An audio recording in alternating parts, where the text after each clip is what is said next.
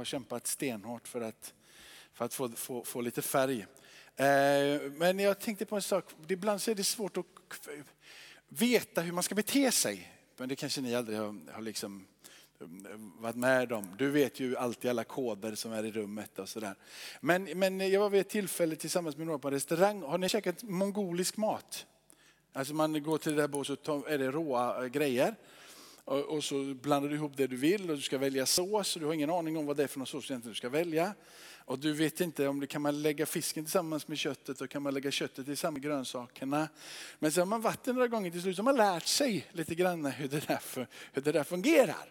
Och det som händer är att man tar för givet att alla man har med sig vet hur det fungerar. Eller hur? Så man, man har ju lärt sig det här då när man har varit där ett par, tre gånger. Och vid ett tillfälle så var jag på ett, var jag på ett sånt här ställe. Och, eh, och eh, vilket fall som helst så är det en av eh, vi i sällskapet som är tillbaka till bordet oerhört snabbt. Det går liksom på en halv sekund. Så och jag tänkte, det gick snabbt. Sådär. Men det, på, ofta så finns det några färdiglagade rätter också. Så vi tänkte att vi tagit dem här. Och på det här stället då fanns det sushi också. Så, vi, så man tänkte inte så mycket på det. Så kom vi tillbaka och då ser på den här tallriken hur det ligger, det ligger råa räkor. Det ligger rå bläckfisk. Och eh, det är liksom lite eh, lax och sådär för personen. Och personen sitter och äter råa räkor. Och personen sitter och äter rå bläckfisk. Och jag säger, du kan inte fortsätta äta det här. Men det var så här, den här personen var så illa hungrig. Så personen tyckte det här, men det smakar ju jättegott. Nej men det finns ingen möjlighet. Sen så kommer det fram då när han, personen börjar känna att jag gör bort mig lite grann. Då kommer det även fram att han har gått bort och tagit avokadoröra. Från sushibordet. Som ligger i en liten större, nej det, det, det är wasabi, en liten större skål. Inte van att man kan ha wasabi i en liten större skål utan har fått lite på en sushirestaurang, Stor skål. Så personen har ätit, ätit alltså färska räkor, eh, eller råa räkor rättare sagt, rå bläckfisk och rå fisk tillsammans med wasabi och tycker att det smakar okej. Okay. Och ibland så känner man lite så här i livet att man tar lite saker och ting för givet. Vad är det eh, som är? Och man kan inte koderna och man förstår inte koderna. Eh, och lite av det där känner jag när man, när man läser bergspredikan, att man tar saker och ting för givet, för man känner igen koderna, man vet hur saker och ting är, men man är egentligen inte insatt i det i sin relation. Eh, och när du bjuder in någon annan att förstå bergspredikan så tar du kanske saker och ting för givet, att personen förstår vad den läser, men den har egentligen aldrig gjort en personlig erfarenhet av det. Så man läser det med de glasögonen som man har. Eh, det vill säga man kan tolka det på sitt eget sätt och du tror att det finns och att det landar, men det gör egentligen inte det. Och det som har slagit mig inför den här stunden. Där jag, eh, en del av den här predikan, eller inspirationen till den här predikan är ungefär för ett och ett halvt år sedan som jag predikade. Jag predikade den här och tagit liksom själva, själva andedräkten, andedräkten ifrån det. Eh, men det viktigaste eh, som jag skulle vilja säga är egentligen inte är egentligen inte kanske att du, att du känner Gud, även om det är viktigt. Det viktigaste är ju att Gud känner dig. Att Gud vet vem du är. Det möjliggör ju att du kan få lära känna honom. Det möjliggör att han vet vem du är och att han förstår din situation. Det möjliggör också att han faktiskt längtar efter att få röra vid dig och att du ska få uppleva vem han är så som han förstår vem du är. Eh, och eh, när man tänker ibland att liksom, jag vill veta vem, vem Gud är så måste man alltid komma ihåg att Gud först alltid vill veta vem du är. Och från det perspektivet tror jag du ska läsa eh, Bergspredikan. Du ska läsa bergspredikan utifrån att han är ute efter en relation med dig. Läsa bergspredikan inte som en etisk, moraliska förpliktelser. Utan läsa det utifrån, eh, precis som du läser allting annat i Bibeln. Eller? Varför har vi fått Bibeln och varför har du bergspredikan där? För att han vill inbjuda dig och mig i en relation med honom. Och för vissa som läser bergspredikan så kan det antingen bli mycket av etik och moral och så ska man leva upp till det här och jag tror att det är väldigt få som klarar av att leva upp till det. Och om du lever upp till det så tror jag att du är någon form av kanske eh, andlig elitsoldat som klarar av att leva upp till alla dessa olika saker som finns där. Å andra sidan så kanske det är sådana som tänker så men jag klarar inte av att leva upp till något ändå.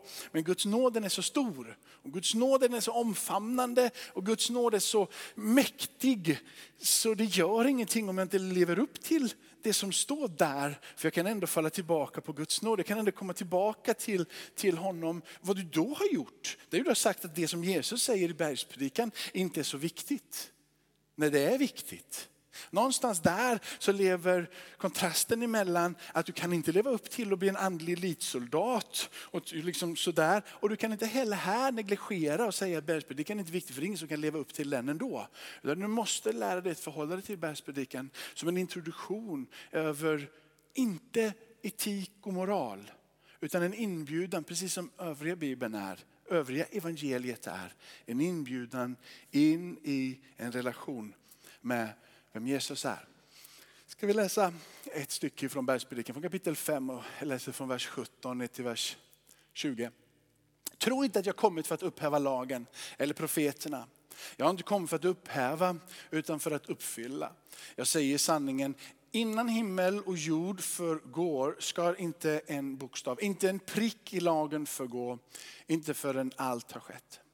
Därför ska den som upphäver ett av de minsta av dessa bud och lär människorna så skall kallas minst i himmelriket. Men håller dem och lär ut dem. Han ska kallas stor i himmelriket. För jag säger, om inte er rättfärdighet går långt utöver de skriftlärdas och fariséernas så kommer ni aldrig in i himmelriket.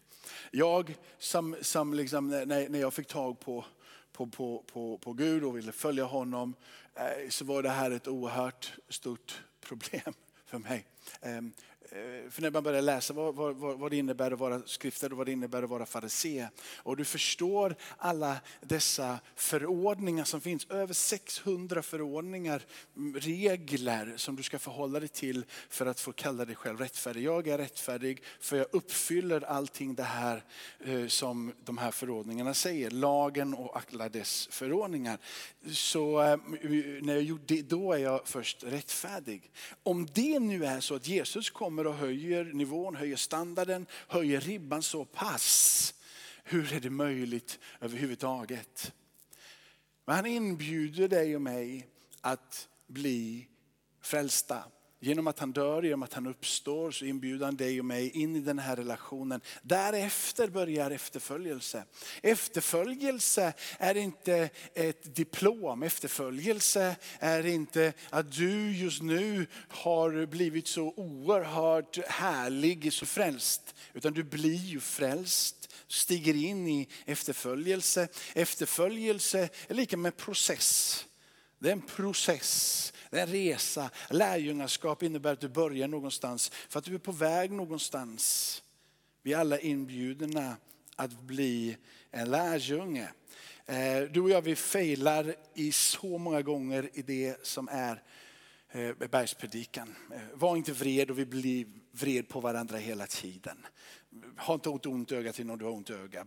Bjälken i ditt eget. Det finns så många saker som vi gör och som gör att vi misslyckas i att leva upp till standarden.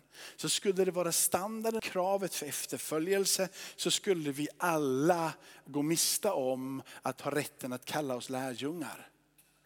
Men det skulle bli patetiskt om du och jag inte tog den utmaning som Jesus ger dig och mig. Den utmaning som Paulus sen klarlägger och lägger ut i texten. Han försöker förklara vad Jesus har gjort. Han säger att bli så som Kristus är. Ta han som största exempel, eller ta mig som största exempel, så som jag har tagit han som största exempel. Blir en lärjunge, efterlikna. För det är så här att frälsningen har en smak. Frälsningen har en doft. Frälsningen har tecken eller ett igenkännande. Och det igenkännandet det syns i din efterföljelse. Och det är ju så här att om du tar, om du tar, om du tar salt Och så saltar du en köttbit. Och så äter du köttbiten. Inte säger du efter du har ätit köttbiten, vilket gott salt. Det gör du inte. Saltet är till för att göra köttbiten godare. På samma sätt så blir ju inte du förhärligad för att du efterliknar Jesus. Utan det som händer är att de ser att saltet har verkat i ditt liv. Så eh, han syns i ditt liv. Han vill låta processen i ditt liv vara en fortgående. Därför kan du och jag aldrig säga, vi vill, vi vill inte bli mer lika Jesus. Eller jag, jag orkar inte bli mer lik Jesus. Eller jag, jag känner inte för att bli mer lik Jesus. För det finns inget val i det.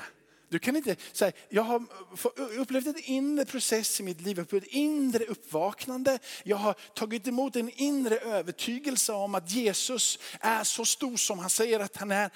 Att hans far i himmelen är en god far och att han älskar mig.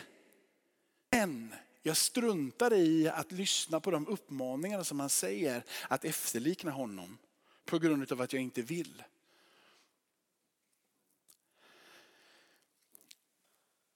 Det är å ena sidan omöjligt att leva upp till det Jesus säger i bergspredikan. Men det skulle dränera hela den bibliska lärjungaskapet om inte du och jag längtade efter att leva upp till det. Om det är så att vi lever upp till det och vi lyckas i oss själva så skulle det göra oss till oerhört trångsynta, lagiska, hårdhjärtade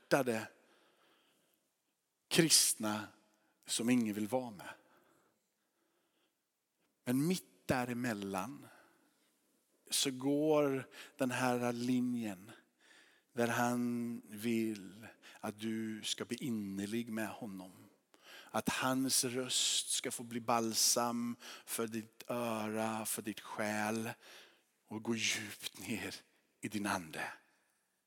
Mitt emellan att kämpa med att leva upp till det som Jesus vill ha av sina efterföljare. Till den andra sidan. Är ni med på vad jag, vad jag, vad jag är för någonstans? Så hur, hur är det möjligt och hur, hur går det? Jag skulle vilja säga att när Jesus landar och när Jesus börjar tala i bergspredikan och han lägger där. Och han lägger upp en, en, en, en, en resa som överträffar fariséernas. Så gör han inte det för att på något sätt höja, eh, liksom, nu ska, ni, nu ska vi höja den andliga ribban. Nu ska vi höja den andliga liksom, klimatet. Nu ska ni, ni ska liksom upp på en resa där. Utan vad egentligen Jesus gör är att han talar om för dem att ni kan inte leva ut allt det här i rätt ordning och samtidigt bevara ert hjärtats relation med er fader i himmelen. Han är, när han säger bergspredikan så vill han dra tillbaka deras sinnen och deras förståelse och deras uppmärksamhet in i Guds ursprungliga tanke med lagen. Det vill säga en relation med Gud som leder till att du orkar ha en relation med dig själv du förstår Gud så du förstår dig själv. Vilket leder till att du får en relation med de som är runt omkring dig. Och att du får en relation med skapelsen. Du vill ta hand om det, du vill ta hand om det som finns runt omkring dig. Och du vill ta hand om skapelsen. Det som var ursprunget med lagen väcks igen när du tar Jesu ord i bergspredikan på allvar. Orden väcker dig in i relationen så ursprungstanken får flöda på din insida. Du kommer tillbaka in i en relation med Gud om du hanterar bergspredikan på rätt sätt. Du kommer in i en förståelse om vem du är i Guds ögon och vem Gud vill och hur han vill att du ska se på dig själv, på andra och på skapelsen.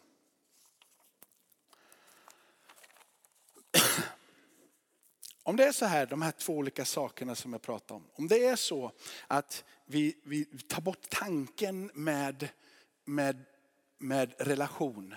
Utan det är en pliktkänsla, det är en, en, en, en övertygelse om vad som är rätt och riktigt. Det är moral och det är etik som gör att du fortsätter att vara kristen. Och det är inte den innerliga relationen som är navet och drivkraften. Om det är på det sättet så blir kristendomen, för det första blir det en religion och det blir religiöst utav det. Men i slutändan så leder det bara till någon form av ytterligare ideologi som i sin tur egentligen bara är en, det är en omöjlighet att hålla det i liv. Men om det är en relation han inbjuder till så finns det ett syfte med det, det finns en mening med det och då finns det en slutdestination med det.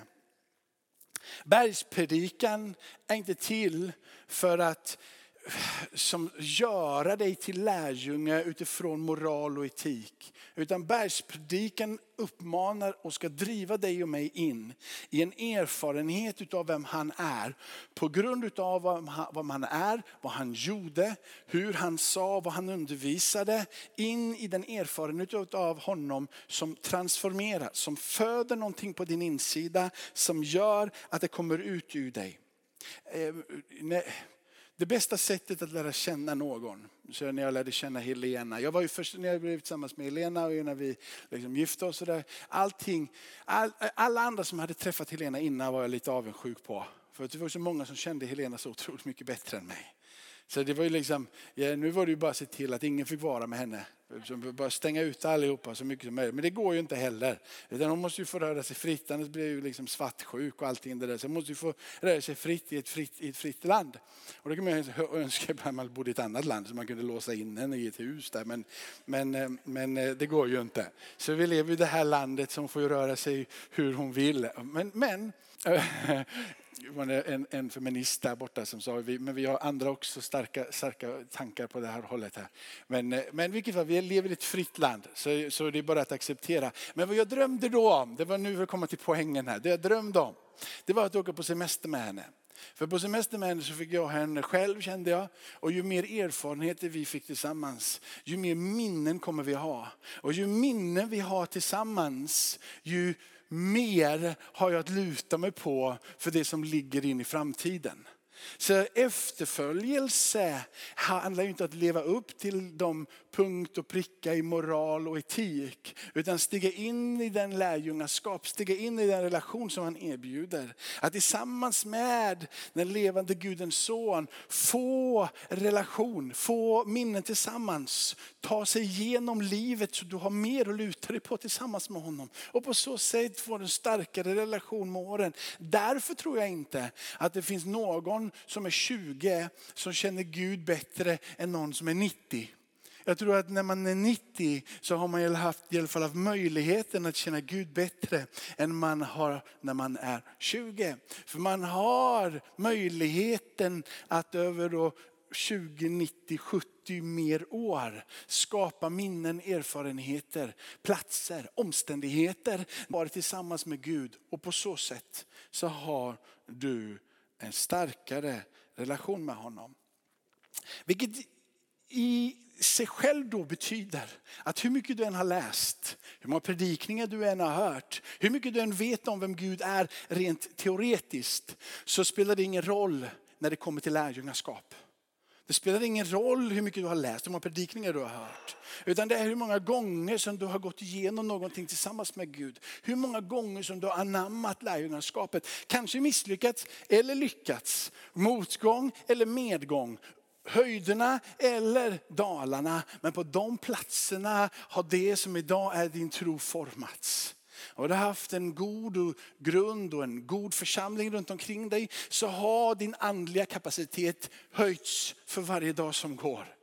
Har du haft omsorg om dig själv, har du haft omsorg om människor så har din andliga kapacitet, din andliga förmåga, din insikter om vem Gud är gjort dig starkare. Inte för att du har huvudet uppe i himmelen utan för att du lever i relation med Gud, med människor, med dig själv och med det han har skapat. Det ligger i en symbios med varandra.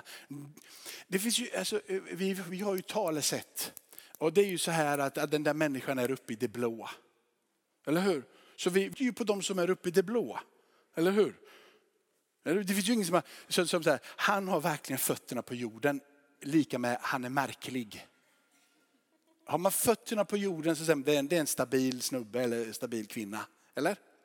Ändå så säger Gud till oss genom Paulus och mer att ha blicken fäst på himlen. Ha blicken fäst på vem han är. Det är som att, men det, det Paulus säger är ju egentligen att om du har blicken fäst på himlen och du förstår vem Gud är så blir du mer mänsklig. Det är, en, det, är en, det är en utopi att du blir mer annorlunda.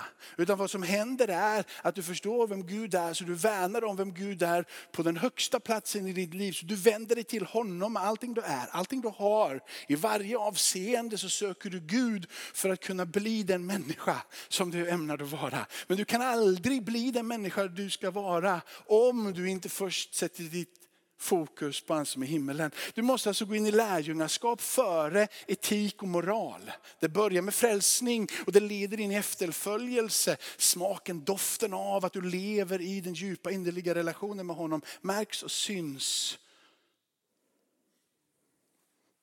Där du går fram. För att vi bevisar det här då. Det tog en stund att komma till att jag ska bevisa det här med skriften också. Ehm, vi börjar psalm 111 och vers 10. Att vörda Herren är början till vishet. Det vill säga att du först av allt tänker på eh, Fader vår som är i himmelen, helgat vare ditt namn. Att du sätter huvudet i himmelen först. Det är där det börjar. Sätter himmelen i huvudet, där börjar det. Upp med blicken emot vem han är och ta reda på vem Gud är. Sök Gud, hitta honom. Gott förstånd får alla som handlar så. Viset kommer därifrån. Hans lov består för evigt. Ah, gott förstånd, det är men vi tar den ändå. Gott förstånd för alla som handlar så. I den översättningen som är mycket bättre, som är från folkbibeln, så står det, eller som är från Bibel 2000 tror jag, det är folkbibeln va? Ja, I Bibel 2000 så det så insikt vinner de som gör hans vilja. Så det börjar med himmelen, men du växer i förståelse och kunskap om vem Gud är när du gör vad han säger. Så när du gör vad han säger så blir du så som han. Du transformeras när du har blicken fäst och du gör det han säger. Så förändras du. Bibeln är så tydlig med det om och om igen. Och det var det här som Israel fick lära sig. Nästa. Så här står det i femte Mosebok. För Herren är Gud, är gudarnas Gud och herrarnas Herre. Den Gud som är stor och väldig och inger fruktan, som inte är partisk, inte tar mutor. Han skaffar den faderlösa och änkan rätt. Han älskar främlingen och ger honom mat och kläder. Och så säger han, också ni ska älska främlingen. För ni har själv varit främlingar i Egyptens land. Herren din Gud ska du frukta, honom ska du tjäna, honom ska du hålla dig till och i hans namn ska du avlägga dig ned. Så frågan är ju varför ska vi hjälpa den fattige? För att det är moraliskt riktigt? Inte en chans. För att det är bara rätt? Nej. Vi ska hjälpa först och främst den fattige och främlingen. För att Gud gör det. Det är där efterföljelsen ligger. Det gör det först för att Gud gör det. För att han gör det, därför gör jag det. Så stannar det inte där. För det som händer är att när du gör det som Gud gör så får vi en erfarenhet utav vem Gud är och vi förändras. Men det är ännu djupare än så. I den här texten framgår det klart och tydligt att ni har själva varit fattiga. Kanske har du aldrig varit fattig på det sättet att du inte har pengar, att du liksom inte har skor och inte haft mat. Men vi har alla upplevt fattigdom på ett eller annat sätt. Fattigdom rent andligt, fattigdom i relationer, fattigdom i det som bara finns runt omkring oss. Vi har alla upplevt fattigdom och vet vad det är att inte ha det som man behöver. Och han säger, du har ingen rätt att agera på något annat sätt. Utan du agerar så som han agerar. För att han agerar på det sättet och för att du vet vad det är. Så gensvaret på fattigdom, eller gensvaret på att göra det som är fattigt runt omkring dig, att ta hand om det, blir ditt svar på vem Gud är för dig. Så att om du inte gör det som han säger på det avseendet så är ju inte Gud den guden som han säger att han är eller han borde vara. Eller den som du med din mun bekänner. Men om du gör det han säger så är han den för dig. Du kan inte med munnen säga det och inte med din handling göra det. Det är det han menar i bergspredikan. Att det går inte att leva i lärjungaskap med ord, men det går att leva i lärjungaskap med handling. Vill du lära känna Gud på riktigt så går inte det med bara vara blicken fäst i himmelen och utan att stå i relation med människor. Det är i relationen med varandra som uppmärksamheten om vem Gud är stärks. Den inre kunskapen om Gud som Bibeln pratar om. Bibeln säger att det finns en inre kunskap att ta emot och få och vara i. Den inre kunskapen om vem Gud är, är aldrig isolerad, är aldrig bortanför relation med mänsklighet. Är aldrig bortanför relation med de som finns runt omkring. Det går inte att säga jag har ett inre kunskap om vem Gud är, men jag drar mig bort ifrån allting som han har skapat. Du drar dig närmare. Gud gör sig till känna och han gör det genom att vi står i relation och att vi lever i ett förhållande till den store guden.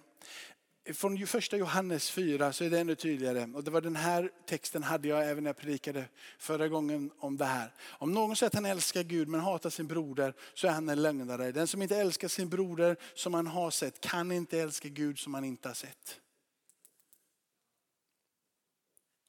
Den är oerhört, den är oerhört krävande. Den är, den, är, den är så krävande så att eh, det finns inget val i den här texten. Jag har en inre kunskap om Gud och jag vet att han är kärlek och jag vill leva i relation med honom. Har du då något val annat än att älska? Enligt vad Johannes skriver. Det går inte att särskilja det. Det blir inte logiskt att säga att jag har en inre kunskap om Gud men jag väljer att inte älska. Logiken dör. Eller? Så, ja, det blir logiskt. Jag har, ja, men jag, jag, jag, jag har problem med att, eh, med att älska människor. Hatet är lätt att komma upp och ilskan är lätt att komma upp. Det är inte så att du inte är kristen. Men du kanske har låtit din etik och moral utifrån kristendomen vara ledstjärnorna starkare och ljudligare än innerligheten och djupet i en relation med vem man är. Du har imiterat livet men du bär inte livet. Det är inte så att han försöker slå sönder dig och mig genom att skriva på det här sättet. Han bara uppmanar dig till att om det är så så måste den inre kunskapen få väckas till liv ännu rikare så att det syns. Jesus inbjuder oss, inte i ett etiskt system som du praktiserar med egen kraft och gärning. Han vill väcka vårt inre, han vill väcka ett gensvar. Han vill att du ska leva så som han levde med glädjen och lusten och viljan utifrån en innerlighet och en förståelse om vem han är. Han vill ha delaktighet med dig och delaktighet med mig. Och han vill att vi ska ha delaktighet med varandra. Vi blir djupare tillsammans med honom när vi förenas med honom och det som han gör och vill göra genom oss och sin församling. Jesus i bergspredikan och för övrigt när Jesus talar. Så när han talar om att du och jag ska försonas med människor så talar han det alltid utifrån att han kom till världen för att försona Gud med mänskligheten. När Jesus i bergspredikan och övriga evangeliet talar om att stå emot frestelser så är det ett gensvar från din och min sida när vi gör det på hans kamp att bevara och ge friheten som Gud vill ge. Hans vilja i dig och mig. När Jesus talar om sanningen och att sanningen ska prägla vårt språk och att vi ska vara formade av sanningen så är det ett gensvar på hans eget liv i sanning och konsekvens. När Jesus talar om att vi ska älska våra fiender så är det ett gensvar från han själv på hans egen väg till korset och hans död. Därför så ligger kraften i att leva ut bergspredikan, leva ut evangelium. Genom att du tittar tillbaka på korset och att du ser det förvandling som skedde på korset. Att du går tillbaka och ser hans lidande, att du går tillbaka och ser hur han räddade dig. Förlåtelse och upprättelse, det finns bakåt. Men också att du tittar framåt i de löftena som finns. Saligheten i hans andra tillkommelse. Saligheten och i hoppet om att han är den han säger att han är och att han är en dag ska förlösa dig och mig. Kraften ligger bakåt, kraften ligger framåt, men kraften ligger också här och nu. Paulus undervisning är så solklar om och om igen. Han säger i honom och i honom har du kraft. Kraften den ligger bakåt i korset, den ligger framåt i hoppet, men den ligger nu. För samma kraft som reste Jesus uppifrån de döda, samma kraft verkar i oss i den här stunden. Det är ingen utopi som du behöver hoppas på längre fram. Den är här och den är nu och den är verklig. Att följa honom som är kung att lita på han som är frälsare, försonaren. Att följa hans livsstil, han är vårt stora exempel. Att tillbe honom som Gud, för det är han som sitter på tronen jämte Fadern. Här och nu, sista versen. Och sen så går vi in för, för landning. Nu har jag hållit på i 30 minuter och Anna hon har somnat. Jag bara skojar Anna. Och alla vi med obeslöjat ansikte ser Herrens härlighet som i en spegel. Vi förvandlas till en och samma bild, från härlighet till härlighet. Det sker genom Herren, anden. Rycker du den här texten ifrån allting annat jag har sagt, sagt, sekt, det bygger vi inte, men vad jag har sagt. Så blir den här lite ganska flummig, eller hur? Det är någonting som händer när vi tar bort, och så bara blir det från härlighet till härlighet. Och så sker det genom en ande som svävar i rummet. Men om du tar med dig det som vi har sagt innan här, att du har blicken fäst på Fadern. Och du förstår djupet i vem Fadern är.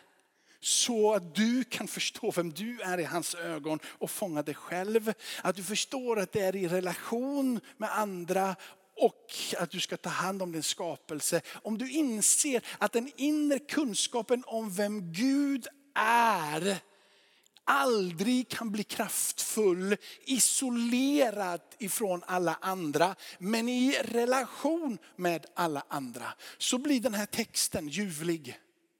För helt plötsligt så behöver inte du leva upp till etik och moral. Och du behöver inte bli en gigantisk stabil och fantastisk kristen. Och du behöver inte heller kapitulera för allting. Det går inte, jag lägger av med det här. Ja, det går inte att vara så där kristen ändå. Det går inte att följa honom. Utan du vet vem han är. Och du ställer dig framför honom och säger förvandla mitt liv. Jag tror på lärjungaskap. Jag tror på att leva i erfarenheten av vem du är tillsammans med dig. Att få minnen att luta mig tillbaka på. Både medgång och motgång. Och i ansikte ansikte med dig. Låta din ande få svepa över mitt liv om och om igen. Så att jag förvandlas och jag blir lik dig. Så att jag kan dofta, så att jag kan smaka, så att jag kan se ut som dig. Samma bild som du själv genom att du verkar över mitt liv. Amen. Tackar dig Fader i himmelen att vi får komma till ditt hus Herre. Att vi får eh, sjunga sångerna till din ära, be bönerna som eh, vi vet att du hör. Vi kastar inte bara ut ord, utan vi tror att du hör varenda ord.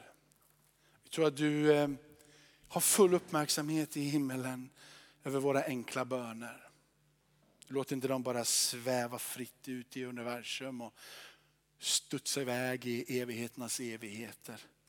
Utan där finns du som hör när vi ropar som svarar på våra böner.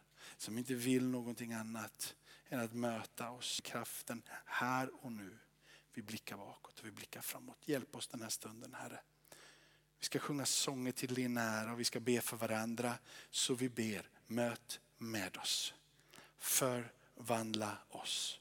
Låt oss få minnen och erfarenheter av dig. Så vi vågar anta utmaningen att bli lärjungar vi vågar anta utmaningen och bli lärjungar. Efterföljare till dig Jesus. Välsigna det här folket, välsigna det här gänget. Välsigna de som är under min röst Herre, jag ber. Välsigna de som lyssnar på nätet efteråt. Låt dem få ett möte med ett transformerande möte med dig. Sätt dem in Herre i processen av förvandling. Sätt dem in i erfarenheten, livsvandringen tillsammans med dig Herre. Ge dem det djupet som kan ta dem igenom livet. Ge dem den styrkan som gör att de kan möta morgondagen. Tack för att du är här idag för att möta med oss Herre. Halleluja. Tack Jesus. Vi sjunger några sånger så har vi några förebedjare och så ber vi för varandra. Men Gud välsigne oss alla.